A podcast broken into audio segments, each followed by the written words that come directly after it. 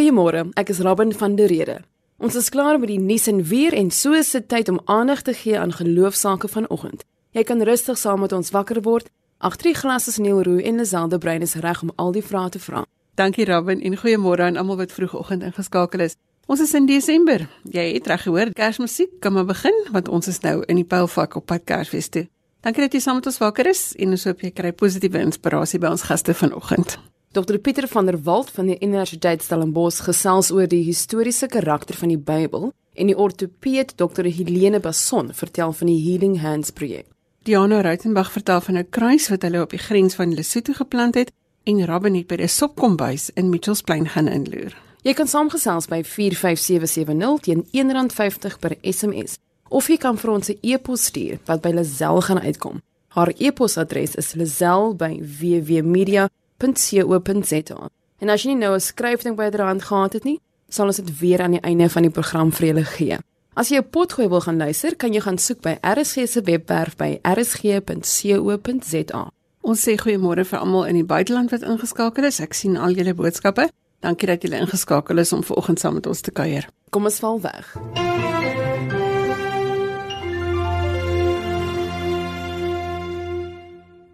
Dr Pieter van der Walt is deel van die algemene taakspan vir leer en aktuelle sake en hulle het saam gedink oor die NG Kerk se vertolking van die Bybel, maar saam met ons gesels hy vanoggend oorsigtelik oor die historiese karakter van die Bybel. Goeiemôre Dr van der Walt. Goeiemôre Lisel. Wat is die historiese karakter van die Bybel? Ek wil dadelik sê ons lees die Bybel omdat ons verwag dat God praat en dat ons die lewende woord van die Here ontvang. En die woordjie ontvang is hier baie belangrik. Ons luister, God gee en ons ontvang. Maar ons moet 'n goeie aanvoeling daarvoor ontwikkel, soos Filippense 1 sê, ons geestesoë moet verhelder word sodat ons fyn sal onderskei waarop dit werklik aankom.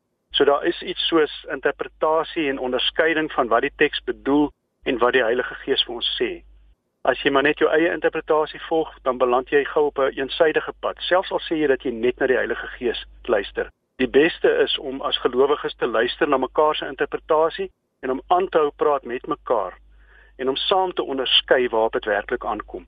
Nou die Bybel is 'n wonderlike boek en ek wil 'n voorbeeld gebruik, die verhaal van Jesus en Saggeus. Saggeus klim daar aan die vrye boom.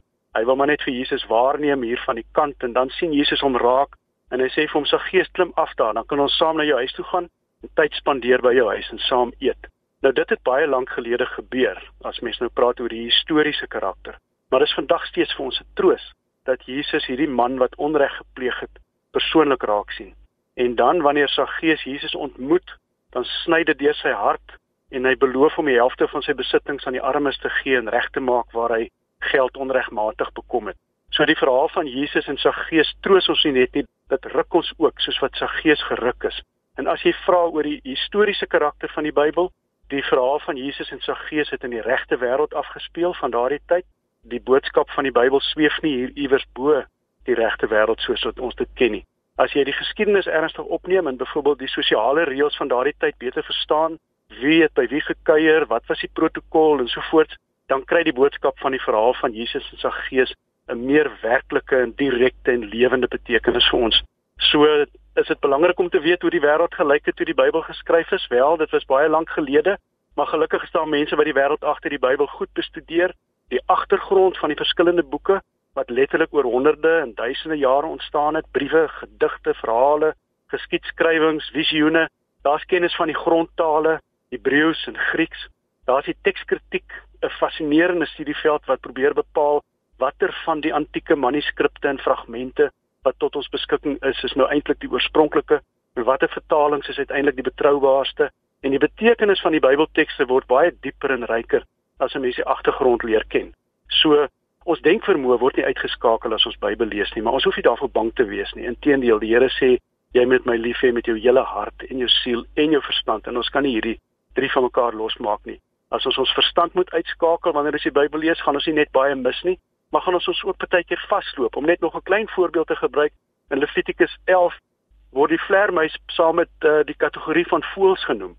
En beteken dit dat die Bybel verkeerd is of onbetroubaar?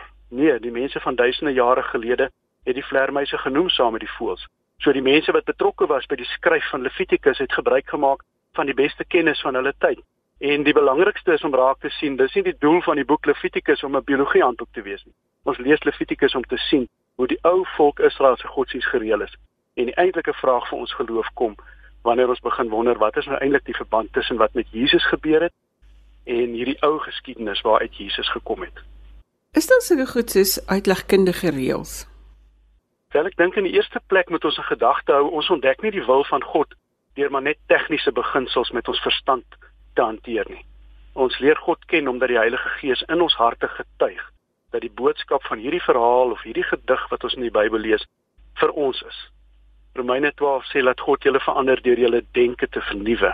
Die Heilige Gees spreek my aan, ooreed my deur die boodskap van die teks om God lief te hê. Maar as ons nie moeite doen om die wêreld agter die teks te verstaan nie, dan begin ons gou verdwaal. En Lisel deur die eeue het Christene oor die Bybel gepraat in terme van inspirasie. Ons sê die Bybel is geïnspireer deur die Heilige Gees. En ons hoef nie te begin twyfel oor die inspirasie van die Bybel omdat die vlermuis in die kategorie van voëls genoem word of omdat dit dalk dalk iewers in 'n ou fragment van die oorspronklike teks 'n spelfout gevind word of omdat 'n kopieerder voordat daar masjiene was wat boeke kon druk iewers 'n woord verkeerd oorgeskryf het nie. Ons hoef ook nie die inspirasie van die Bybel te wantrou omdat Eksodus 20 byvoorbeeld praat van die hemel daarbo en die aarde hieronder en die waters onder die aarde so in 'n drie verdieping wêreldbeeld nie. Al het ons vandag 'n ander prentjie van die kosmos. Hierdie soort verskille tussen ons voorstellings en die voorstellings van die Bybelskrywers maak nie die boodskap van die Bybel onbetroubaar nie. Dit sê maar net God het nie mense se eie omstandighede en kennis en karakter en hulle eie temperament selfs en skryfstyl uitgeskakel in die skryfproses en die ontstaan van die Bybel nie. As ons met ander woorde sê die Bybel is die woord van die lewende God in mensewoorde, is ons eintlik maar besig om iets te probeer sê oor 'n wonderlike en geheimenisvolle verhouding tussen verskillende aspekte van die Bybel, soos die historiese konteks, die soort literatuur wat die teks is, die bedoeling wat dit gehad het in die tyd toe dit ontstaan het en die werk en die leiding van die Heilige Gees ook vandag. So dit help byvoorbeeld om te onthou daar's dinge in die Bybel wat, meer op die rand lê en dinge wat meer in die sentrum of die hart van die Bybel is. Ons sou kon sê dit is 'n uitlegkundige reël om die verband te onthou tussen die rand en die sentrum. In die hart van die evangelie is die Vader wat vir ons skep en ons nooit los nie. In die hart is Jesus wat opgewek is, wat ons enigste hoop in lewe en sterwe is. In die hart is die Gees wat ons trooster is. Ek dink in die hart van die evangelie hoor ons God staan nie ver weg van ons af nie. Hy is anders as wat die Grieke in die ou tyd geglo het en wat baie mense vandag nog glo. God hoor ons reeds in Eksodus aan die begin van die Bybel wanneer God die mense se swaar kry daar onder die magtige slawe drywers raak sien en ingryp. So ons moet seker maak dat ons die hele Bybel, elke teks van die Bybel hoor in die lig van hierdie sentrale boodskap van die Bybel en dis 'n belangrike beginsel vir Bybel verstaan. As jy dit nie volg nie, dan begin die Bybel allerlei goed vir jou te sê wat selfs ver van die eintlike betekenis kan wees. Weereens die manier hoe ons waak teen 'n willekeurige interpretasie van tekste is om te onthou dat ons die Bybel saam lees. Dis nog 'n uitlegkundige reël. Ons lees die Bybel saam met 'n groot gemeenskap van gelowiges. Ons hou aan om te luister na mekaar, om te praat met mekaar, ook saam met mense eintlik wat lank voor ons geleef het, soos selfs die kerkvaders en ander mense wie se stemme deur die geskiedenis as betroubaar bewys is.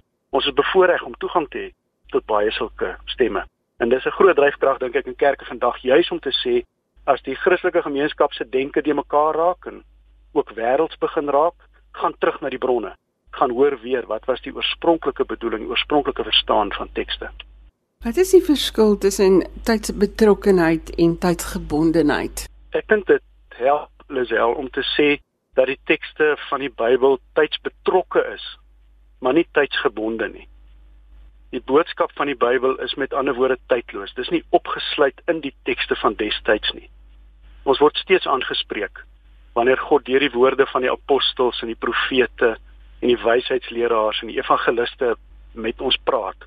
As die profeet eeue gelede vir die volk sê, julle moet onthou God stel nie belang in julle bloot uiterlike rituele nie, maar in julle harte wat warm klop vir die mense wat onreg verduur en in dit wat julle doen omdat julle harte vir hierdie mense is, dan is dit ook vir ons bedoel.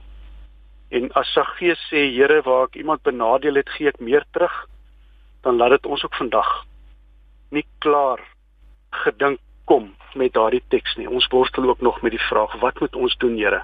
So die Bybel is nie net een keer deur die Heilige Gees geïnspireer nie. Dit bly die tekste van die Heilige Gees wat nog steeds wanneer dit die Gees behaag, so met ons praat dat ons ook saam met die profeet kan sê die woord van die Here het tot my gekom. Dokter van der Walt baie dankie dat jy vanoggend vir ons 'n bietjie gehelp dink het oor die historiese karakter van die Bybel en hoe ons konstant met die Bybel moet besig wees. Dankie vir die saamgesels. Baie dankie Lisel. Lisel het gesels met Dr Pieter van der Walt van die Universiteit Stellenbosch oor die historiese karakter van die Bybel. Goeiemôre as jy sopas ingeskakel het. Jy luister na Sondagjoernaal en ek is Robin van der Rede wat jou geselskap hou saam met tegniese regisseur Neil Roo en Liselde Brein. RSG se webblad is waar jy inligting kan kry oor ons program en die adres is rsg.co.za. Jy kan ook aansluit by ons sosiale media gemeenskap op Facebook. En as jy die bladsy like, sal jy so teen 'n donderdag al weet waaroor ons op 'n Sondag gesels. Operation Healing Hands is deel van Dr Helene Bason se lewe. Ons gesels vanoggend met haar oor hulle inisiatief wat mense se lewe verander. Goeiemôre Helene. Goeiemôre. Hoe het julle op hierdie inisiatief besluit? Ons is 'n paar vriende wat bymekaar gesit het en het ons gedink wat wil ons in 2016 vir Mandela Week doen en het ons gedink dis dit sou nogal wonderlik wees as ons in ons eie beroep iets kan doen. En ons het koppe bymekaar gesit en besluit om pasiënte te begin opereer wat nie kan bekostig om in die private sektor geopereer te word nie. Miskien moet ons net byvoeg Helene, jy is 'n ortopeed. Ek sou ortopeed, ja. Daar seker 'n hele netwerk betrokke om 'n operasie gedoen te kry. Wie werk almal saam? dis nogal 'n baie groot span want die probleem is as jy 'n pasiënt opereer, het jy verskeie fasette daarvan. So jy het die dokter wat die pasiënt voor die tyd moet sien wat spesifiek die pasiënt gaan opereer. Dan het jy die hele hospitaal wat moet bykom met die teaterspan, jy die narkotiseer, jy het byvoorbeeld die radioloog nodig vir ekstrale, jy het die laboratoriums nodig vir bloedresultate, dan jy jou rehabilitasiespan nodig vir na die tyd die fisioterapeute, die ortotiste. So wat gebeur is as 'n dokter aan boord kom vir 'n spesifieke pasiënt, dan bring hy sy hele span aan boord. En dan werk ons as 'n geheel saam. So dis elke keer ons kyk na die behoeftes van die pasiënt, so ons sien wat het hierdie spesifieke pasiënt nodig.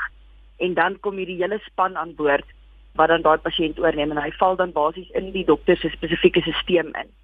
En dan word hy op alle aspekte na gekyk. Wat 'n rol speel geloof in jou lewe, in dit wat jy doen? ek sê altyd alles in die lewe is net genade. En dis regtig waarop ek alles sê. Ek glo my lewensfilosofie is dat ons is hier om dit vir mense rondom ons beter te maak. Ek bedoel nie almal moet gaan in liefdadigheidswerk doen nie en almal moet gaan en sendingwerk doen nie.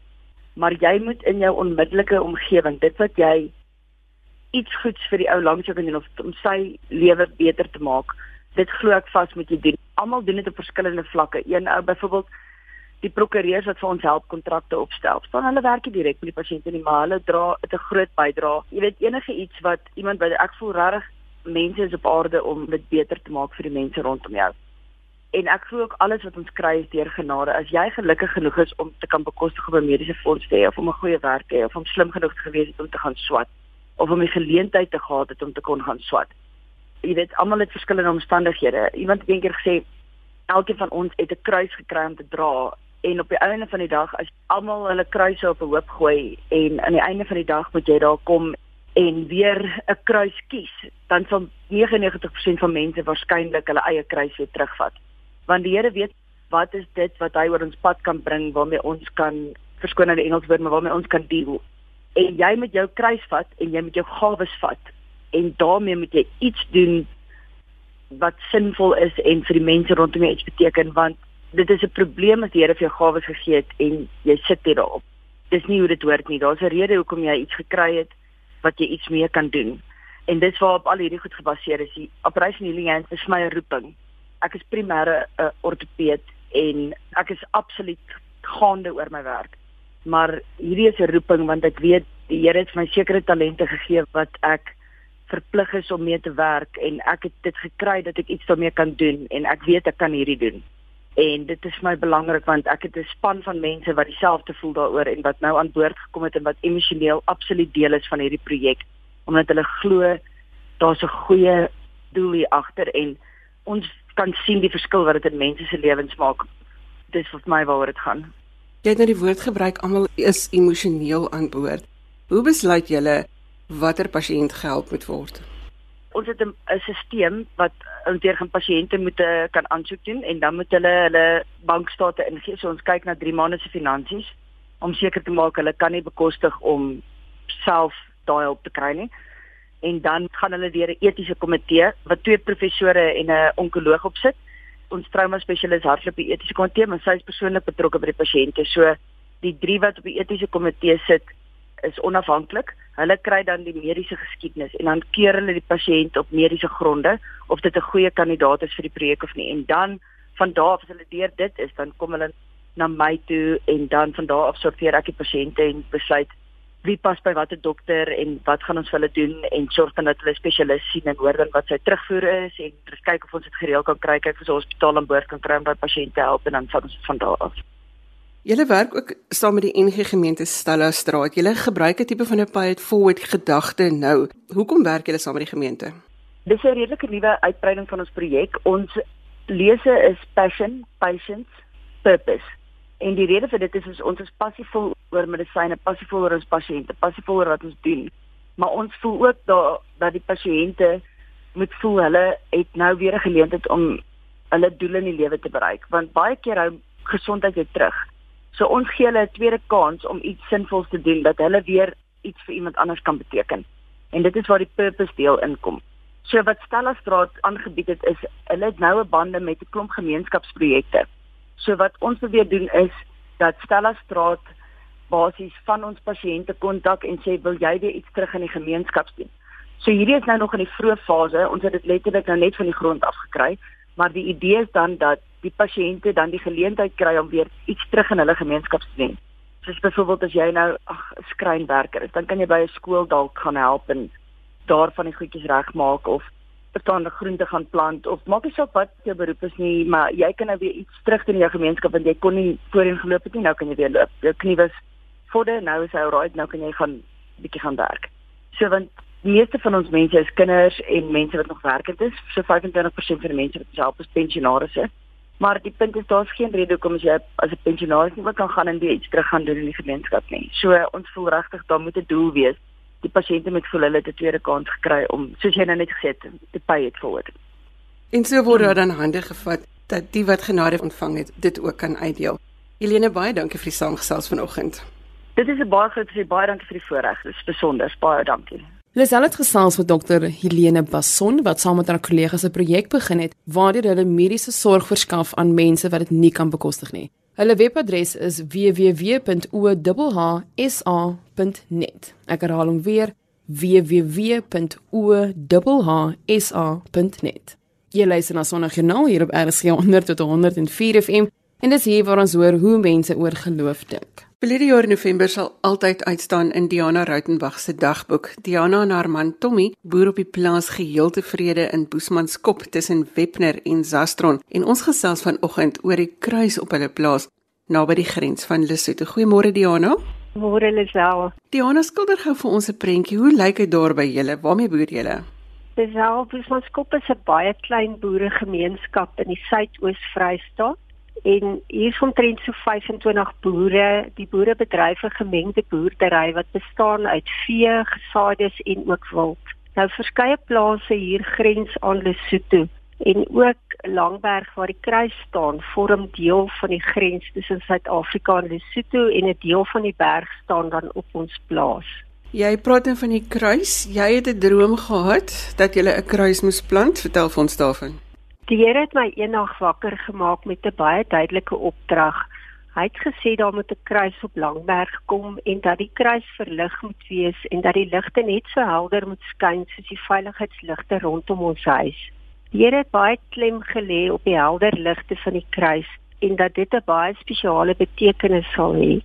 Eerstens sal die lig geteken wees dat hy die enigste ware lig in die wêreld is. Tweedens sal dit 'n teken wees dat sy lig oor ons grond en ons gemeenskap sal skyn en derdens teken dat sy lig ons harte sal verlig. Toe ek die Here vra hoe groot die kruis moet wees, was sy antwoord dat hy reeds die afmetings aan my gegee het. Ek het onthou dat ek 'n paar nagte tevore van twee vreemde getalle gedroom het.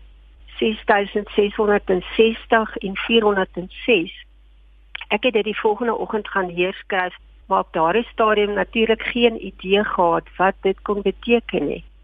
Die Heilige Gees het my man verder in so diepe slaap laat gaan sodat ek kon opstaan en ure later weer terug in die bed klim sonder dat hy van enige iets bewus was. Toe ek die volgende oggend wakker word, het ek gewonder of ek gedroom het en of ek dalk myself net goed verbeel het. Ek het gaan koffie maak en terwyl ek gewag het vir die water om te kook, het ek na my rekenaar gegaan en eers toe ek die bladsy uitdruk wat ek die vorige nag getik het, het ek geweet dit is nie 'n droom nie. Ek het die openbaring met my man gedeel en ons het verskillende emosies ervaar. Ons was verbaas en ons was verwonder en eintlik was ons stom geslaan dat die Here ons uitgekies het.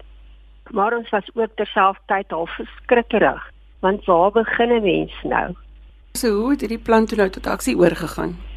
Lisel daardie selfde oggend nog het die Here weer sy woord vir my die bevestiging gegee dat daar verskillende manne wat oor kennis beskik, die vaardigheid gegee het om al die dinge te doen.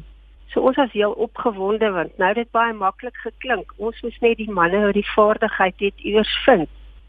En net toe dit begin voel of ons nou nie meer weet waar om te soek nie, het die Here my man eendag gelei om na die naam op die kontaklys van sy selfoon te kyk.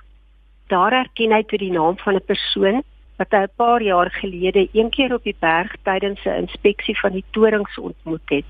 Nou daar's onder andere 'n FN toring, 'n Telkom toring en 'n Eskom toring op die berg. Hy bel tot die persoon en daar open die Here vir ons die eerste deur. Hy weet toe van 'n groepie manne wat al by verskeie kruisprojekte betrokke was.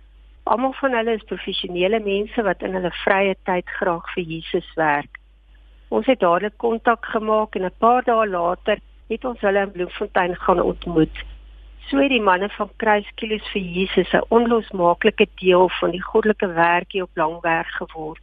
Met groot entoesiasme het hulle te begin om die kruis te beplan en hulle het 'n paar keer die berg besoek voor die fisiese sweetwerk kon begin.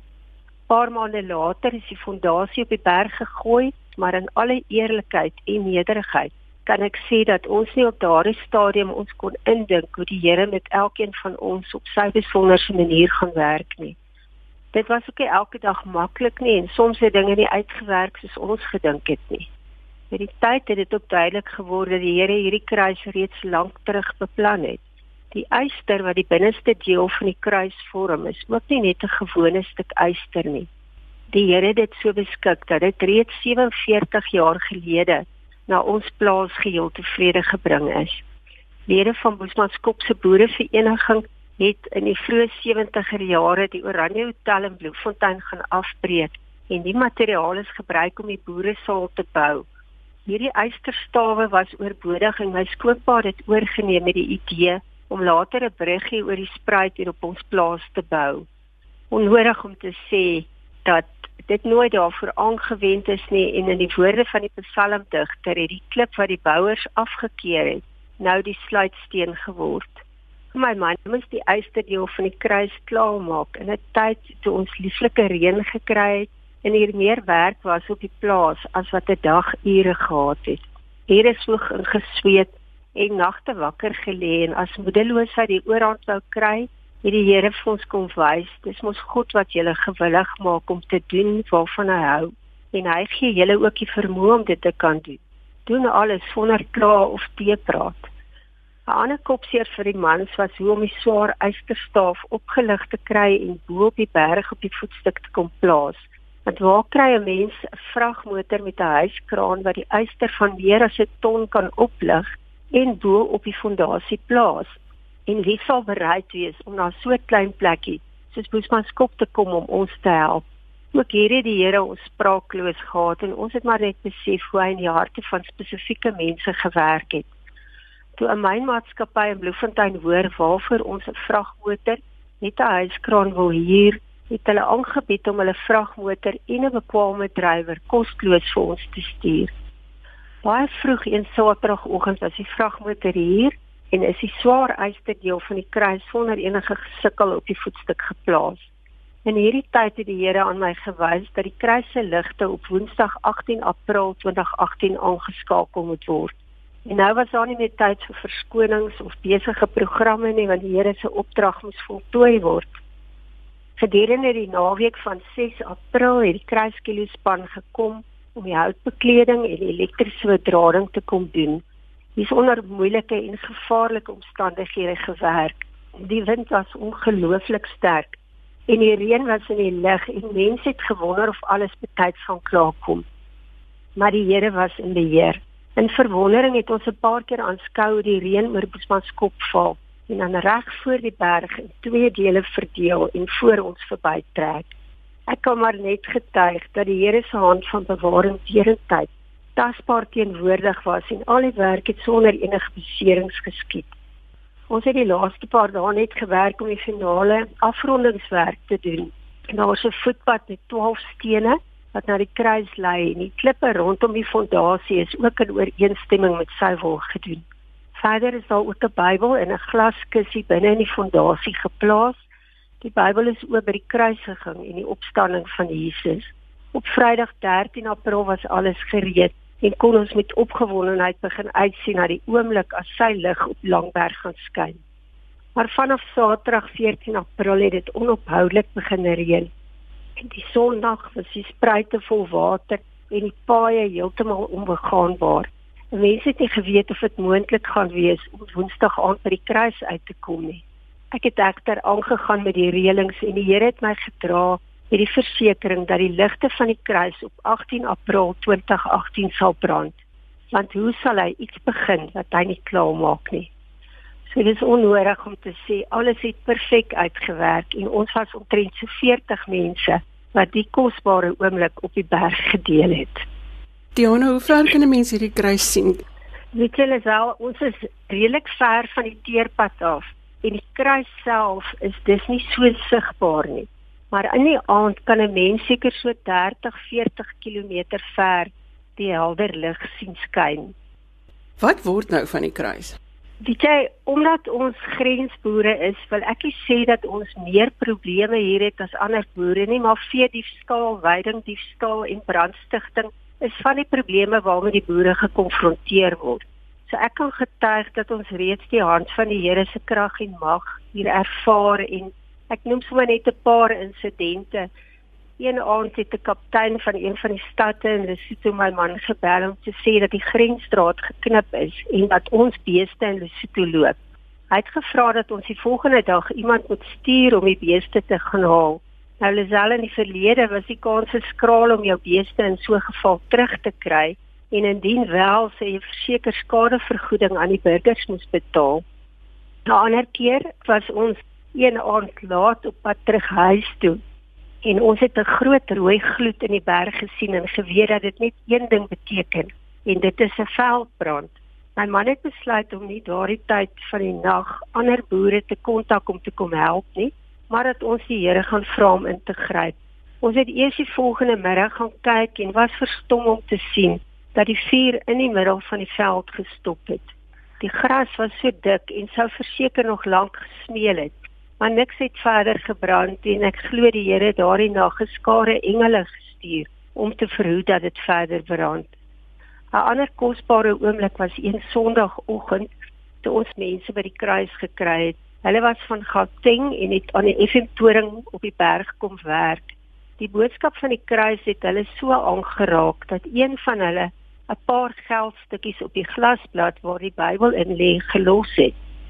Daardie geld het vir langer as 3 maande onaangeraak op die glasblad bly lê. So ek weet nie wat die Here nog vir ons beplan nie, maar weet dis voorspoed en nie teëspoed nie. Ons was een middag so verras. 'n Vreemdeling het aan ons deur geklop en gesê dat hy graag met ons wil kom praat oor die kruis. Hy het ons ingelig dat sy opdrag van die Here is om die paaie in Suid-Afrika te salf en dat hy die pad van die kruis afgesalf het en ons op hierdie wyse kom verbind het aan die Here se veel groter plan. So ons is opgewonde en ek glo dat elkeen wat oë het om die lig te sien en die kruis te sien staan, sal weet en ervaar dat daar net een God is. Diana baie dankie dat jy vanoggend jou storie met ons gedeel het en 'n stukkie van jou lewe wat met ons gedeel het. Dit was my voorreg, dankie Lisel. Ons het gehoor van Diana Rautenbach van die plaas Geheel Tevrede in Boesmanskop. As jy sopas ingeskakel het, sê ons goeiemôre. Jy luister na Sondagjoernaal saam met Lazel en Robin en Neil is ons tegniese regisseur. Gaan maak gerus 'n draai op RSG se webblad by rsg.co.za vir kontakinligting oor ons gaste vandag. Vanoggend gesels ons saam met Paul Sarelina en Priscilla Harris, biskop en suster by die Pinkster Oppersaal Kerk in Mitchells Plain. Ek is biskop by die Pinkster Kerk. Sê vir ons, hoe lank is u al deel van hierdie gemeenskap? Goeiemôre almal. En baie dankie vir die voorreg om vandag iets te kan sê rondom my betrokkeheid in die gemeenskap van Tafelsig Mitchells Plain. Van 2001 af was ek as pastoor ingestel by die kerk en dan is ek in 2008 aangestel as die hoofmoderator van die sending. So my jare voor dit natuurlik was ek as jeugleer gewees en bietjie sonnaskool gegee. So altesaam 34 jaar as ek al betrokke in hierdie gemeenskap al. Priscilla sê vir ons wat behels die prosedure op 'n donderdag as jy nou hierdie sop kombuis gereed maak. Robin, ek gaan op 'n maandag gaan koop bietjie goed in, want dan die ticket moet nou Maar op donderdag, die belangrikste dag van die sopkombuis, dan begin ons 10 uur. Dis myself, Suster Charmaine, Suster Veronica en Suster Ava. Dan kook ons die kos in die kerk se kombuis. Ons is besig in die kerk se kombuis. Ons maak 200 liter potte kos met 'n 10 kg rys. Dan voed ons elke kind met ouer op 'n donderdag. Ons begin af 2 Dis die tyd wat die skool nou uit is. Begin ons en ons is om 3:30 klaar. En dan wie was nou al daai skottelgoed? Ons doen dit self. Die soepietjie span doen dit self. Die sopkombuis span doen dit self. Priscilla, vertel vir ons wat beteken die sopkombuis vir jou en hoe het jou verander? Ja, die sopkombuis beteken vir my baie want dis alles tot eer van die Here en wat dit die gemeenskap betref, vind ek baie liefde spesiaal vir die kinders want ons sien nie net vir hulle die sop of die kos of die broodjie, maar ons gee vir hulle ook die woord. So die opoffering wat daarbey kom is 'n part van die werk van die Here. Ek voel goed om dit te doen.